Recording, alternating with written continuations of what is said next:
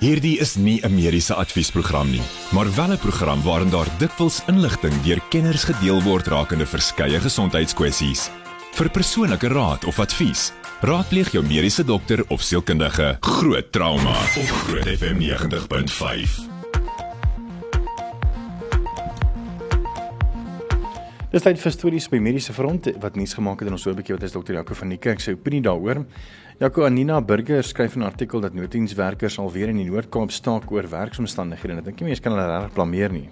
Ja, Pieter, ek dink Noord-Kaap is al klaar 'n moeilike area om in te werk omdat die dorpe so ver uit mekaar uit is en ek sien hier een van die goed waaroor hulle staak is dat daar geen gehoor is aan hulle pleidooie wat hulle um al hoe lank gee oor onpadwaardige voertuie waarmee hulle pasiënte dan um oor groot afstande moet moet vervoer nie en dan uit die aard van die saak ook aan 'n tekort aan personeel. Ek dink personeeltekorte is is is reg oor die land 'n groot issue. Hmm. Ek dink nie net in die staatssektor nie, in die private sektor ook, veral in nooddienste. Um maar ja, ek dink dis maar net een van daai van daai staatsdepartemente en en areas waar um ons waarskynlik nie 'n verandering gaan sien nie alhoewel hulle nou nou staak. Jy het genoem dat weer die Noord-Kaap is is dis nie baie maklike werksomstandighede nie omdat die dorpe so ver uit mekaar uit sit en ek dink julle jy en Ismail dan Dr. Jacques Koning het letterlik eerstehandse ondervinding van 'n trauma situasie wat julle self ervaar het ehm um, naby Kenhardt. Ja. Ja, jy weet as as jy daar gaan sit in die middel van die Noord-Kaap en jy kry 'n regte groot trauma, dan sit jy met 2, 3, 4 ure se ry van die naaste dorp af en daai dorp het nie noodwendig die spesialiteit wat nodig is vir jou vir jou trauma situasie nie. As jy 'n helikopter laat kom, is dit so ver uit mekaar uit dat die helikopter nie in een slag kan vlieg van waar hulle kom tot tot tot by jou nie. Ek meen, ehm um, toe ons daar buite Kenhardt gesit het, moes die helikopter kom. Die naaste helikopter was van Bloemfontein af en hulle moes van Bloemfontein af Kuruman, Kuruman, Kenhardt en so omvlieg. So. Ehm um, so hulle moes eintlik twee keer volmaak voordat hulle regtig in Kenhardt kan kom en dit vat tyd, dit vat baie baie geld en ehm um, dit is regtig 'n baie baie moeilike area om in te werk. As jy dan nou nog steeds onpadwaardige voertuie het wat daai groot afstande moet moet af lê, dan ehm um, plaas jy maar basies die pasiënt se lewe op risiko. Dan op Morula Media het hulle 'n berig gehad oor 'n uh, 'n kleintjie met die van Makwala wat 'n harttoestand het en ehm um, Die gat in die baba se hart is nou herstel danksy weldoeners. Ja, die baba is dan ehm um, ge gebore met 'n uh, toestand wat hulle ventrikulêre septale defek noem wat eintlik beteken dat die daar's 'n gat in die wand tussen die onderste twee hartkamers wat dan ook dan skade maak aan die bloed, bloedsirkulasie na die longe toe.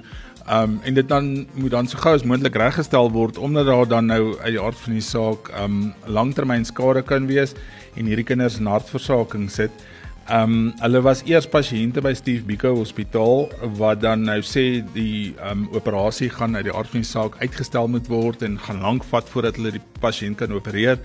En toe het weldoeners gekom en die Netcare Sunninghill Hospitaal genader en hulle het dan nou hierdie babatjie geopereer wat dan nou 100% um herstel is. Bly geskakel ons is net hier nou weer terug en dan gesels ons oor nog so 'n paar nuus stories wat nuus gemaak het. Groot trauma met Pieter Kloete en dokter Jaco van die Kerk op Groot FM 90.5. Ons kyk dan nog na so 'n paar stories by mediese front wat nuus gemaak het.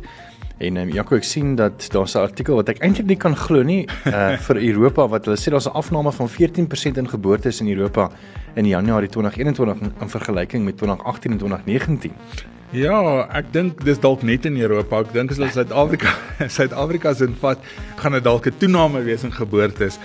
Ehm um, maar die afname sê hulle volg dan nou slegs 9 tot 10 maande na die eerste piek van COVID-19 pandemie en die eerste inperkings in Europa getref het en ehm um, dis Vrydag dan in Akademiese Joernaal Human Reproduction ge, gepubliseer.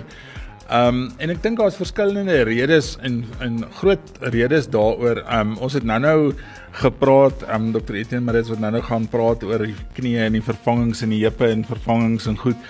Ehm um, sê dalk het mense met tong en kies te naby aan mekaar geleef en hulle het moeg geword vir mekaar. So ehm um, hulle is dalk geïrriteerd al met mekaar omdat hulle mekaar te veel gesien het. so aan die einde van die dag ehm um, dink ek daar's 'n paar redes voor Maar ehm um, daar's 'n verhoogde ehm um, risiko met mense wat COVID opgedoen het um, in terme van sterftes, miskraammistel, geboortes. Baie vrouens wat swanger geraak het in daardie tyd het ehm um, medikasie ontvang of het nodigheid gehad vir medikasie wat dan uit die aard van die saak ehm um, miskrame veroorsaak het of dan intrauteriene dood veroorsaak het en ek dink dit maak ook 'n groot verskil. Ehm um, maar ja, dit sal interessant wees om te sien hoe dit in Suid-Afrika lyk want ek dink dit gaan anders wees as as in Europa. Europa is 'n ander wêreld vir ons. Mm.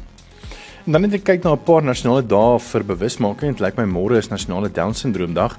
Watse bewusmaking kan dan nog steeds nog elke jaar gedoen word op Down syndroom, Jaco? Ek dink die belangrike ding vir vrouens, veral ouer vrouens, is dat hulle wel moet gaan vir die siftingstoetse vir Down syndroom. Um dit bly 'n groot 'n groot probleem en dit bly 'n groot risiko um bo of in 'n hoër ouderdomsklas van vrou. Um maar ek dink ook as 'n mens gaan vir daai siftingstoetse, moet jy voor die tyd besluit wat gaan jy doen met die resultaat. As jy weet jy gaan nie 'n terminasie van swangerskap doen as jy die resultaat kry van jou spesialis af dat jy 'n down syndroom baba verwag nie. Hoekom doen jy die toets? um hoekom gaan jy deur al hierdie hierdie emosionele probleme um en en en hierdie stres die hele tyd. As jy wel gaan vir die toets, moet jy ook bereid wees om dan die besluit te maak termineer jy die swangerskap al dan nie. Um ek dink dis 'n belangrike ding en ek dink mense moet weet wat die risiko is van hulle van hulle swangerskap. En en deesdae is dit baie baie fyn uitgewerk. Daar's 'n groot um 'n uh, tendens dat mense na fetale spesialiste toe gaan wat dan vir hulle sê jy het 'n eenheid 250 of eenheid 300 kans om 'n Down syndroom te hê op grond van sonar alleen en ek dink dit word al hoe meer sensitief en dan uit die aard van die saak die bloedtoetse en die geentoetse is is is dan ook beskikbaar. Ook môre is iets wat uh, Dr Etienne Marits en jy nie ek veel oor wil praat nie want uh, julle is in die knie en die heupe operasies in maar dit is 'n uh, wêreld osteoporose dag. Ja, Pieter, ehm um, osteoporose dink ek is is maar 'n ding van van ouer vrouens ook. Ehm um, postmenopausal mans kan dit ook kry, maar vrouens meer. Ehm um, en uit die aard van die saak, mense dink osteoporose is ook 'n pynlike ding, maar is nie 'n pynlike ding totdat jy breek nie. Ehm um, as jy dan fraktuur omdat jou bene nie meer so so sterk is as wat dit moet wees nie, dan uit die aard van die saak gaan jy jou probleme kry en dan gaan jy by dokter Marits opdaag met jou gebreekte heup of wat ook al. Um jy val en jy breek jou voorarm en dan het jy jou chirurgie nodig. So jy jy moet tog gaan kyk na jou na jou risiko ook. Um mense dink nog steeds Vitamiin D, die hormone Um en daar's medikasies wat dit wat dit tot 'n groot mate seker kan vertraag, maar dis 'n siekte dink ek wat almal éventueel gaan kry. Um maar gelukkig, gelukkig is daar vervangings spesialiste. Dis so 'n paar stories by mediese van wat nuus gemaak het eintlik tot elke van die kerk met sy opinie daaroor bly inskakel. Ons gesels 'n bietjie oor uh, saam met dokter Etienne Marits um, oor die tegnologie wat deesdae beskikbaar is wanneer kom by knie en heupvervanging. So bly gerus ingeskakel daarvoor. En dan wil ek sommer vanaand 'n bietjie by jou weet, gesels saam, het jy al vir 'n heup of 'n knie vervanging gegaan? Laat weet vir ons by 061 610 4576 onthou standaard tariewe geld. Met die volgende program bo Groot FM 90.5 om jou as luisteraar met die nodige inligting oor 'n spesifieke onderwerp te voorsien. Alhoewel hierdie inligting dikwels deur 'n kenner op die gebied gedeel word, word jy aangemoedig om jou mediese dokter of sielkundige te besoek vir persoonlike advies of raad. Groot trauma met Pieter Kloete en dokter Jaco van die Kerk op Groot FM 90.5. Welkom terug by Groot Trauma. Ek is Pieter Kloete en saam met Dr. Jaco van die Kerk en ons het eh, gesels 'n bietjie oor heup en knie vervangings en uh, ons wil 'n bietjie by jou hoor vanaand. Is jy al of het jy al gegaan vir 'n knie of 'n heup vervanging? En laat weer 'n bietjie vir ons by 061 610 4576 onthou standaard tariewe geld. Ja, ons is vanaand eintlik al bevoorreg om vir dokter Etienne Maretsi te hê, ortopeed by Montana Hospitaal in in Pretoria Noord, nie Pretoria Noord nie, Montana. Pretoria Noord is 'n ander plek. Sjoe, sjoe. Amper as ek weer verkeerd. maar in elk geval, hy het 'n spesiale belangstelling in knieë. So nie net vervangings nie, maar alle alle groot en baie gekompliseerde knie knieoperasies, ehm um, ligamentrekonstruksies ensovoorts maar spesifiek ook artroplastie of of vervangings van van van die knieë en dan heupe ook en ek dink ehm um, baie welkom. Jaco baie dankie, lekker om weer hier te wees. baie lekker om julle almal laat ons laat ons amper 'n teater ehm um, uh reunie kan hou hier. Ja, ja, ja. Ehm um, vertel ons bietjie wat is die behandeling van mense wat artritis het? As jy ouer mense sien dan sê hulle altyd my maat artritis gehad. Eers wat is artritis en hoe behandel jy dit en wat is die uit, uiteinde van artritis? Ja, Jaco, artritis is maar 'n 'n mooi naam vir veroudering of verweer van die gewrig tot so 'n toestand dat jy begin pyn ontwikkel. Die kraakbeen word verweer en as daar nie meer kraakbeen in die gewrig is nie, begin jy 'n situasie ontwikkel waar daar been op been is in die gewrig wat op mekaar skaaf en die beeneindes is sensitief en dit veroorsaak pyn. So die die behandeling van artritis initieel is konservatief en in baie geleenthede of in baie omstandighede bly dit konservatief. Ehm um, baie mense kom reg met konservatiewe maatreëls en 'n verskeidenheid konservatiewe maatreëls. Maar as dit so ver vorder dat jy nie meer met die konservatiewe maatreëls oor die weg kom nie, is die uiteinde 'n gewrigsvervanging. En die gewrigsvervanging se doel is om die gewrig te herbelyn en om die pasiënt se pyn weg te vat. So maak 'n groot verskil in die funksionering dan van daai pasiënt se lewenskwaliteit dink ek aan die einde van die dag. Absoluut, absoluut. En in die ou dae het mense was mense bang vir vervangings want dit was seer, dit was weke in die operasie of na die operasie in die hospitaal en was 'n gerehabiliteerdery. Dit het bietjie verander al intussen. Ja, nee, verseker. Ehm um, ek dink is maar soos alles in die lewe is daar verbetering en daar's vooruitgange in alle velde, so ook met medisyne. Uh 'n klomp goed het verander oor die afgelope 40, 50 jaar waar daar baie gewrigsvervangings gedoen is in die wêreld. Ehm um, die die die tydperk in die hospitaal het drasties begin afneem. Uh daar's 'n verskeidenheid redes vir dit, maar een van die groot redes is dat die die die implants of die proteses wat gebruik word het verbeter, so ook die dokter se tegniek en veral die pynhantering postoperatief. So dit dit het drasties afgeneem. Dit is dit is heidaglik op 'n punt waar sommige van die gewrigsvervangings dieselfde dag huis toe gaan. Uh, nie in alle omstandighede nie, maar jy weet die die initiële opname tyd was 10 dae en is meestal word dit afgebring na enige iets van 5 tot 5 tot 1 dag in die hospitaal. So daar daar uit baie veranderinge in medisyne plaasgevind en weet dis maar natuurlik soos wat soos wat evolusie plaasvind in medisyne gaan gaan dinge verander. En ehm um, ja, dis dis vir die beter, vir die beter vir die vir die beter vir medisyne en so ook vir die pasiënte. En mense lees baie nou in die media oor robotika en robot operasies en ro alles word met robotte deesdae gedoen, hè, van breinoperasies tot maagoperasies, maar ook vervangings. Um en uit die aard van die saak help dit met nie vervangings ook. Vertel ons bietjie van dit. Ja, Jaco, dit is iets wat eintlik al al lankal in die bedryf was, maar onlangs het dit baie populêr geword in die media, maar nie net in die media nie. Die rede hoekom dit populêr geraak het in die media is omdat dit al hoe meer gebruik word in die ortopediese milieu. Um jy weet die eerste uh, robotiese gewrigsvervanging is in die 1980s gedoen. Hmm en uh daai was 'n uh, 'n uh, totale autonome gewrigsvervanging waar die robot in beheer was van die hele prosedure en soos wat dinge aangegaan het en dinge verbeter het, het dit het daar verskeidenheid variasies op die tema gekom en heidaglik is daar 'n klomp variasies, maar die mees gebruikelike uh, variasie is die wat hulle praat van die semi-aktiewe robotiese chirurgie waar die chirurg heidaglik in beheer is van die operasie, maar daar is intervensie van 'n robot het sy of deur 'n robotiese boor meganisme of 'n saag. So die die robot of die rekenaar beheer deur die instrument die vlak van insnyding in die been. So dit is regtig uitstekende tegnologie.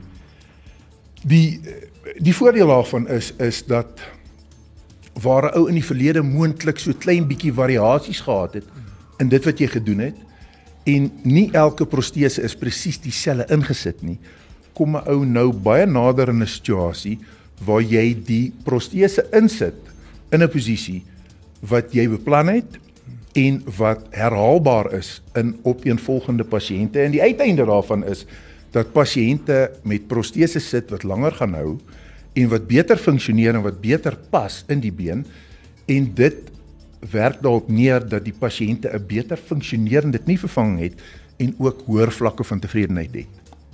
Ons gaan net nou 'n bietjie kyk na uh nog so 'n bietjie oor tegnologie en die meer, maar dis nou net tyd vir 'n mediese minute minuut. Pieter het nou nog gepraat oor osteoporose en is iets wat mense um seker nie so baie oor wil praat nie, maar mense glo dat lae kalsium vlakke osteoporose veroorsaak. Nou kalsium is belangrik vir been been um gesondheid en en en en en groei, maar daar's ook ander um essensiële nutriënte wat nodig is vir goeie beengesondheid en dis goed soos magnesium, kalium, B-vitamiene, fosfaat en dan Vitamiin D. Um so ja, kalsium is belangrik, maar dis nie die een en enigste ding wat jy hoef in te neem as jy osteoporose wil voorkom nie. Groot trauma op Groot FM 90.5. Dis lekker om van jou te hoor. Neil het gesê twee heupvervangings na ongeluk, eerste heup en toe gaan alles alles afwaarts. Dis ongelukkig slegte nuus. Uh dan sê nog iemand hier so naam Pieter sal daar 'n podcast wees oor die knie en heupvervanging want uh sy hoop so my lewensmaat het 3 weke gelede regter heupvervanging gehad. Uh inderdaad Dedrey ons uh, behoort dit so teen môre middag op ons webblad te hê. Uh, as jy weer wil gaan luister en vir te stuur. En dan sê Ria van Emmerus dat sy ook uh, twee knieoperasies gegaan het by Dr Etienne toevallig en sy sê dis die beste dokter in die land. Ek loop swaar, maar dis nie as gevolg van Etienne nie, dit is as gevolg van osteoartritis en beslis nie my knieë nie. So dankie dat jy ook 'n boodskap gestuur het. Ja, ehm um, ek dink kom ons begin. Ons het nou-nou gepraat oor robotika en dat dit meer konsekwentheid gee in hoe mens vervangings insit. Maar die ding kan ook val en ehm um, dan moet mens terugval op die chirurgse ervaring en se ek wil amper sê se backup plan. Ehm um, hoe kies 'n pasiënt die regte ou om dit te doen? Kyk, Jaco, wat jy daar sê is absoluut waarheid. Ek weet ek ek gaan nou net eers terug na jou eerste punt. dis verseker so die goed kan val. Mm. Ehm um, dis maar soos enige vorm van tegnologie voor jy ooit vee, gebeur daar iets wat wat jy nie kan regkry nie en dan moet jy teruggaan na die old school tegniek om dit te doen soos dit altyd gedoen is. So jy het iemand nodig wat wat vaardig is in al die vorms van van knievervangings, het sy heupvervangings, hoe ook al. Die ou moet hy moet opgelei wees om die knie met die nuwe tegnologie in te sit, maar hy moet verstaan hoe die protese werk en hy moet ook weet hoe om die standaard tegniek te gebruik. So om aan te aan te sluit by 'n tweede punt, hoe besluit jy na wie jy toe gaan? Dit is 'n dis 'n baie moeilike ding. Dis maar 'n baie individuele en 'n persoonlike ding na wie jy toe gaan. Um, ek dink daar's 'n klomp faktore betrokke. Ehm um, en 'n klomp van die goed moet jy maar vir jouself uitpleis waarna toe jy wil gaan en waarna toe is jy bereid om te gaan, maar ek sou sê die belangrikste ding wat jy vir jouself kan doen is om bietjie navorsing te gaan doen en bietjie huiswerk te gaan doen. En gaan vra 'n bietjie vir jou vriende of mense wat jy ken by wie hulle was en gebruik daai as 'n maatstaf om uit te vind na wie jy kan gaan om jou nie vervang te doen.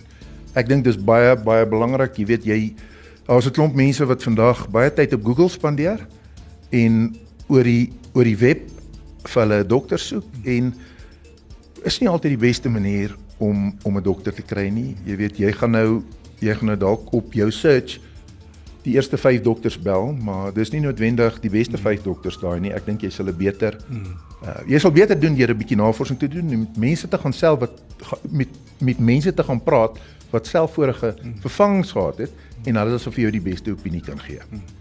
Ek het twee vrae vir jou. Ehm um, eerste een is hoe lank vat ehm um, so 'n operasie as jy nou ingaan min of meer? Is dit 'n uur of 2 of is dit bietjie langer?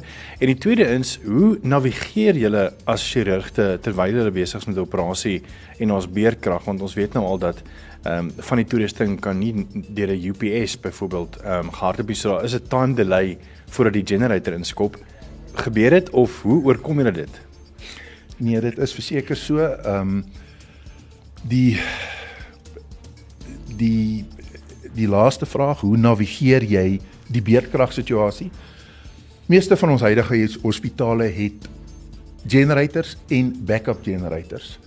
En dan in die hospitaal waar ons werk is daar ook sonpanele om die krag wat in die dag beskikbaar is te gebruik om meeste van die hospitaal se funksionering te voorsien. En dan as daar 'n fout met dit is, gaan die generator aan en daarna as daar nog 'n probleem is met die generator, gaan die backup generator aan. So ons het nog nie in die probleme gehardloop waar ons sukkel met 'n backup generator nie. Daar is baie keer so 'n klein bietjie van 'n van 'n tydsoorskakeling, maar is te sekondes en die kritiese instrumentasie en masjinerie wat die narkose masjien is, het sy eie uh backup battery. So is nie eintlik iets wat 'n ou te veel hoef te bekommer oor nie, mits die hospitaal se instandhouding nie goed is nie. Hmm. En hoe lank vat so 'n operasie omtrent? Jong, dis 'n baie baie moeilike vraag om te beantwoord. Dit is ehm um, dis gewrigs afhanklik sowel as wat die chirurg op uh, wat die chirurg gebruik. Hmm. Ehm um, maar 'n ballpark figure is seker enige iets van so 45 minute tot 'n uur en 'n half. So so vinnig, dan.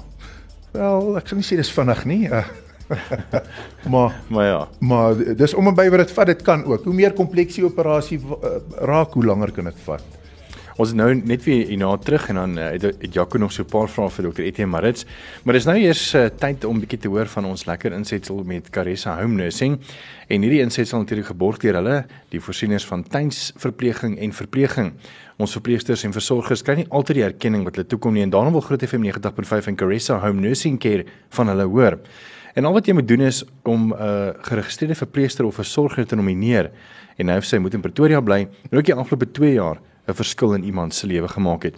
Jy kan jou nominasie stuur na grootverpleester@caressa, dis caressa.co.za met jou motivering oor hoekom jy hierdie persoon nomineer en hy of sy staan 'n kans om 'n maandelikse finalis te word en uiteindelik in Mei 2023 weg te stap met R30000 kontant van Carissa en ook R20000 se vakansie van Sonja Smit begrafnisdienste, bees en feesgeld. Met die volgende program bo Groot FM 90.5 om jou as luisteraar met die nodige inligting oor 'n spesifieke onderwerp te voorsien. Alhoewel hierdie inligting dikwels deur 'n kenner op die gebied gedeel word, word jy aangemoedig om jou mediese dokter of sielkundige te besoek vir persoonlike advies of raad. Groot trauma met Pieter Kloete en dokter Jaco van die Kerk op Groot FM 90.5. Welkom terug by Groot Trauma. Ek is Pieter Kloete saam met dokter Jaco van die Kerk en ons gas vanaand is dokter Etienne Marits. Ehm um, Danel Kies het vir ons 'n WhatsApp gestuur wat sê in verband met voorkoming van beenprobleme, het sy heupe of knie, help dit werklik om kollageen peptides daagliks te gebruik en waarna moet jy uitkyk as jy effektiewe kollageen wil gebruik? Dankie Danel Kies. Ja, dankie is 'n interessante vraag. Daar is daar is soveel uh produkte op die mark beskikbaar vir die behandeling van osteoartritis en gewrigsverwante beenpynne. Wat die kollageen betref is iets wat ook baie aftrek gekry het die afgelope tyd in die pers, maar in in hoofstroom medisyne is dit iets wat nog nie bewys is om 'n massiewe verskil te maak nie. Um, in my praktyk gebruik die ek die American Academy se riglyne oor die konservatiewe hantering van gewrigs uh artritis en uh volgens hulle is daar geen indikasie vir die gebruik van uh, kollageen en variasies op kollageenprodukte nie.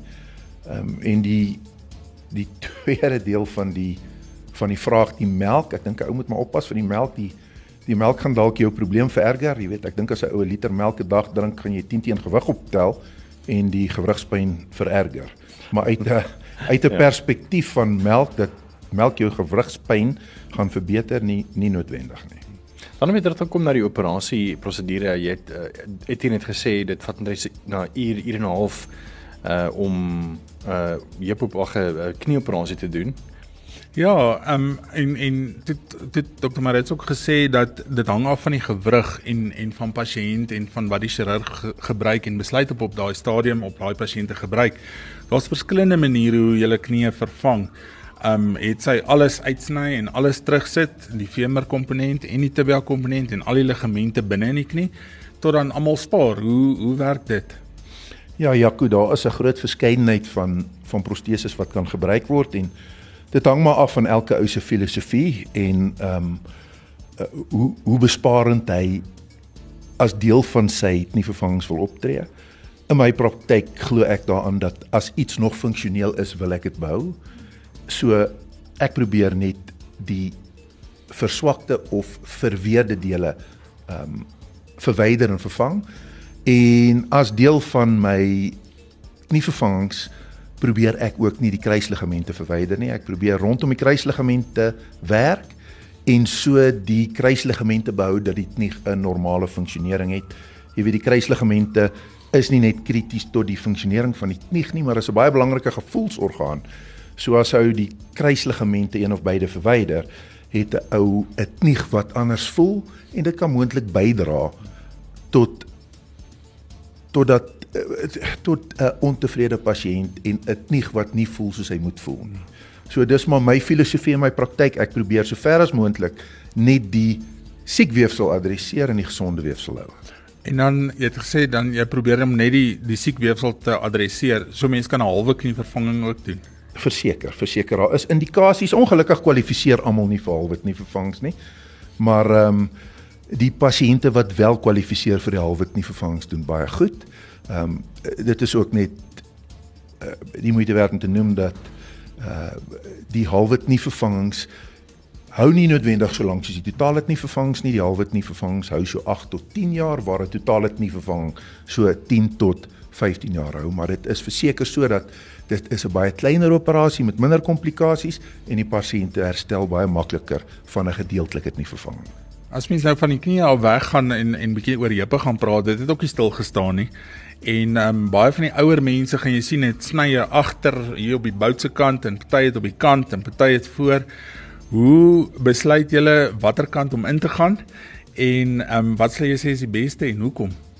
Ja, Jaco, soos wat ons gesê het, goed verander. Uh, mediese tegnologie het verander en die die die mediese toegange het ook ook hmm. verander.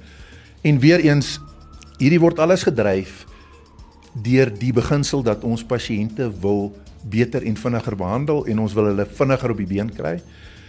En so het daar onlangs of nie onlangs nie, dit is eintlik al lankal beskikbaar, dit word net meer toegepas in sekere dele van die wêreld. Uh uh toegang begin populêr word waar die heup van vooraf benader word. Waar jy van vooraf die heup benader, gaan jy tussen die spiervlakke in en jy doen minder weefselskade en die net die effek daarvan is dat jy baie makliker na die tyd opkom en baie vinniger huis toe gaan. So Dit is veral krities in ouer pasiënte wat geval het en hulle heup gebreek het. As jy nou in daai pasiënt met 'n baie swak spiervolume en spierkrag 'n uh, heupvervanging doen en jy doen die toegang van die kant af gaan daai pasiënte sukkel om aan die gang te kom waar as jy hulle van voor af doen is daai pasiënte baie vinniger uit die blokke uit en ons sien dit gereeld dat baie van ons pasiënte wat ons in die verlede van die kant af geopereer het moes na 'n step down toe gaan. Nou sit jy met die situasie waar 'n klomp van daai pasiënte huis toe gaan uit die hospitaal uit en dit is eintlik besonder vir 'n ou pasiënt, jy weet dit dit voeg baie waarde by tot hulle tot hulle lewens en hulle lewenskwaliteit. En dit klink dit klink amper ongeloofwaardig, maar is ek reg deur te sê as jy 8:00 die oggend 'n 'n heupvervanging van vooraf gedoen het, kan daai pasiënt die middag of die aand al regop staan uit die bed uit?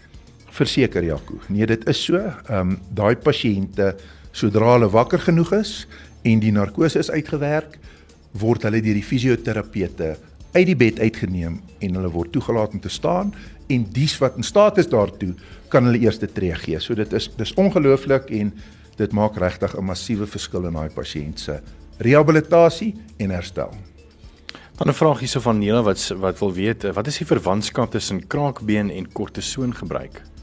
Oek, ek is bly ek maar dit is hier. askies die verwantskap tussen kraakbeen en kortison gebruik. Weet as mens kortison gebruik beïnvloed dit jou kraakbeen of beenfunksie? Ja, ehm um, daar is versekerde verwantskap tussen kortison gebruik en kraakbeenverlies, veral intraartikulêre kortison gebruik en kraakbeenverlies. So ja, kortison is maar 'n probleem op veelvuldige fronte, nie net op die kraakbeen nie, maar so ook op beenkwaliteit. Jy weet, uh dit is regtig iets wat dit is 'n middel wat se gebruik tot die minimum ge beperk moet word. Dis dit. Ek het ehm um, ons tyd is ongelukkig op en uh, weer eens dankie dokter Etienne Marits van uh, Montana uh hospitaal uh daarso en uh, nie Pretoria Noord nie. Montana. Pieter baie dankie. Dit was lekker om hier te wees. En dokter Jaco van die kerk soos altyd. Dankie Pieter. Um, ek sal seker maak dat hierdie pot gooi uh teen môre op ons webblad is as jy dit weer wil gaan kyk of dan deel met jou vriende. Ons is volgende week weer tussen 8 en 9 saam met jou. Groot trauma met Pieter Kloete en dokter Jaco van die kerk op Groot FM 90.5.